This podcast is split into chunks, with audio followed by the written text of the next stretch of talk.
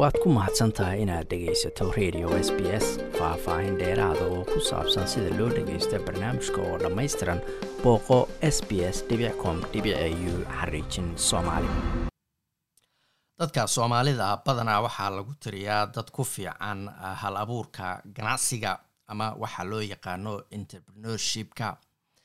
Iyadoo soomaalidu ay meelo badan oo africa ka muuqato marka la fiiriyo ganacsiga iyo sameynta ganacsiyo cusub. Haddaba magaaladan melbourne haashim cabdulaahi shamcuun iyo walaalkiis nuuraddiin cabdulaahi shamcuun waa laba nin oo dhalinyaro ah oo degan magaalada melbourne waxayna aasaaseen shirkad xawilaada oo dhanka online-ka ama internetka laga isticmaalo. Haddaba khibradoodii sameynta ama hal abuurka ganacsigooda cusub ayay la wadaageen xubno ka tirsan jaaliyadda degan galbeedka magaaladan melbourne magacayga waxaa la yidhahdaa nuurudiin cabdulaahi shamcuun waxaan ahay ninka abaabulay shirkadda mastermd loo yaqaano. Maanta waxaan joognaa xaafadan tanet community center windifal community center waxaan ku qabanay barnaamij loogu talagalay soomaalida degan xaafadan oo u ah soomaalida ugu badan xaafadda victoria markii la barbar dhigo. Inta ugu badan halkan degan yihiin waxaa u qabanay event la dhahayo hal abuur business sidee loo sameeyaa ama mataqaanaa businesska cusub sidee loo sameeyaa ayaan fikraddaas ayaan la wadaagnay. Annagoon ku hadlayna magaca shirkadda mastermid aan oo mastermid tahay xawaalad online ah oo lagu dirsado adoo gurigaada joogtid ood aad ku dirsan kartid lacag. Mataqaanaa wadanka soomaaliya waddamada africa ama asia meel kastabay noqoto. Marka maanta maanta waxaan ka sameynay hal abuurka challengiguu leeyahay dhibaataduu leeyahay iyo faa-iidaduu leeyahay. Marka faa-iidaduu leeyahay waxaa ka mid ah yani adiga waxaa tahay problem baa xalinaysaa xalinaysaa soomaalida ama qof kasta u noqdo businesska maadaama mataqaanaa uu ka tegay mataqaanaa online yahay faa-iidaas ayuu leeyahay.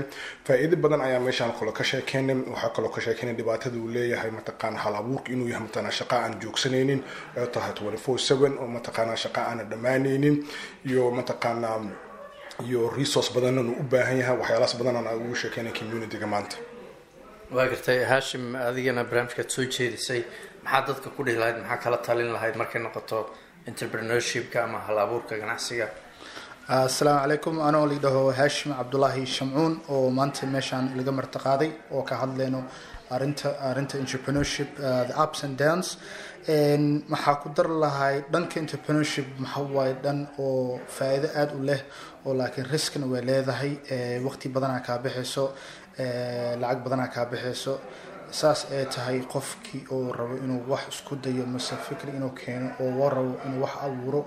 Ani maxaa la talin lahay inuu maaqaantaa niyaduu haasto iyo iyo go'aanka rabo inuu gaaro inuu sii wado sii wado iyo meeshuu kaalmo ugu baahan yahay inuu raadsado. Community maxaa degannahay mase waddan maxaa degannahay wixii kaalmo ugu baahannahay meel dheer ma naga jirto. Telefoon mase community centerka mase jaamacadaha mase meelaha oo network network lagu sameeyo aa la isku imaadaa maadaama oo qofkii oo barnaamij leeyahay oo rabo inuu wax sameeyo problem haddoo kulmo inuu helayo solutionkeed marka soomaaliyeed oo mase qofkii waddankan jooga oo rabo wax inuu tacbado oo mase wax inuu rabo sameeyo dhanka entrepreneurship ani waxaa ku dhaha lahay guul waa gartay idinka markaad laba walaala ahaatiin shirkadaana samayseen fikraddan maxaa ina ku dhaliyay laftigiina fikraddan waxaan ugu dheliyay maalin maalin ka mid a ayaan waxaan tegay xaafadda hooyaday waqti fiidnimo ayadoo tahay. Saacadahan oo kale ah after maqrib marka maamo waa la soo wacay waxaa laga soo wacay waddankii soomaaliya.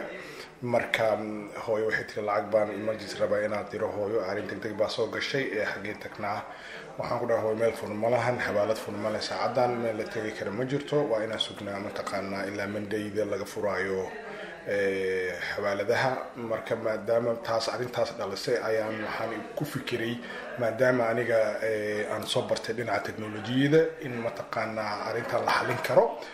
Waxaa kaloo dareemay haddii imaamada qabto dhibaatadan oo kale in qofka kale oo la mid ah hooday kale inay qabto. Marka fikraddaas ayaan igu dhalisay in problemkaas aan xalino aan ka dhigno mataqaanaa xawaaladaha xawaalad online ah.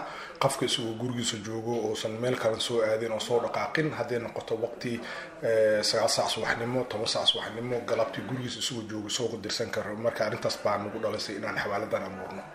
Waa gartay haashim waxaa ka sheekaysay dhibaatooyinka inay ka mid tahay markaad shirkad cusub abuurtid in laga yaabo inaysan markiiba lacag kaa soo gelin ay waqti qaadato in dakhli kugu filan oo shaqadaadii aada u joojiso ay kaa soo gasho marka caqabadahaasoo kale dadku siday uga gudbi karaan imisay qaadataa in qofku uu helo dakhli ku filan oo businesskaas keliya uu kugu jiro.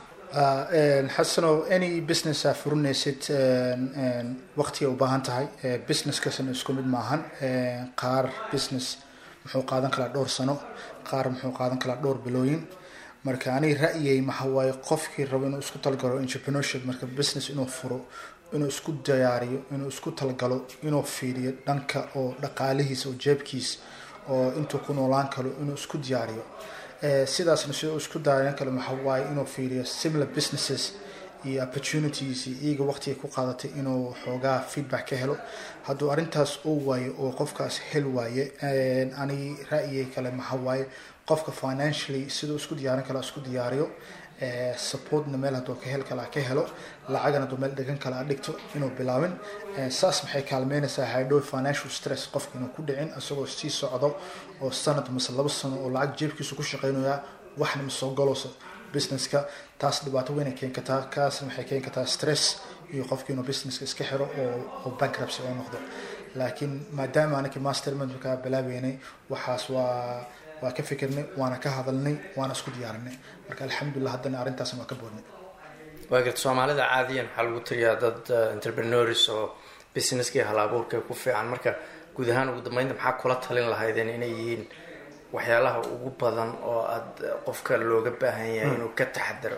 Horta ni soomaalida aniga waxaan kugu talin lahaay aan aan aan dhiirigelin ku siin lahaay in inay mataqaanaa hadday rabaan inay dhinaca hal abuur business rabaan inay bilaabaan inay inay bilaabaan inaysan mataqaanaan aynan ka hakanin maxaa dhacay because haddaadan aadiyada haysatid haddaadan mataqaanaa aadan tesgaraynin meel magaaraysid mafahmino waa muhiimad waa inuu qofku hadduu fikrad ama wax passionate ku yahay ama wax mataqaanaa oo uu jecel yahay inuu niyada ku hayo ha sameeyo. Because aadiye haddaa haysid aadan wax ku sameynin waxay taraysa ma lahan taas waa mid qofka inuu mataqaanaa inuu inuu qofku passionate u leeyahay inuu passionate uu leeyahay inuu shaqada jecel yahay inuu mataqaanaa u soo jeedi karo dhib kasta kaga yimaado inuu diyaar ugu yahay taasaan ku dhalgelin lahay mar waa la raacsanahay nuurdiin qofkii oo passion qabo inuu wax sameeyo inuu isku dayo inuu sii wado haddoonu dhaco oo u shaqayn weysay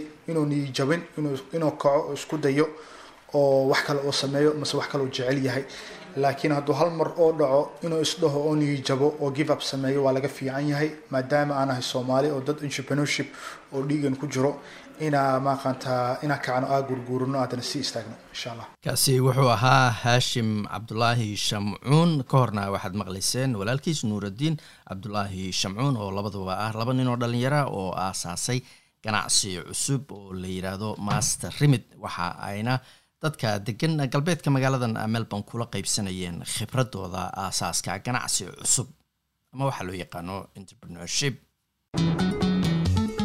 Waad ku mahadsantahay inaad dhegaysato raadiyaha s b s toos u dhegaysa barnaamijka habeenada arbacada iyo jimcada tobanka fiidnimo ama kaga soo cesho website-ka iyaga iyo s b s radio app. Booqo s b s com au xariijin soomaali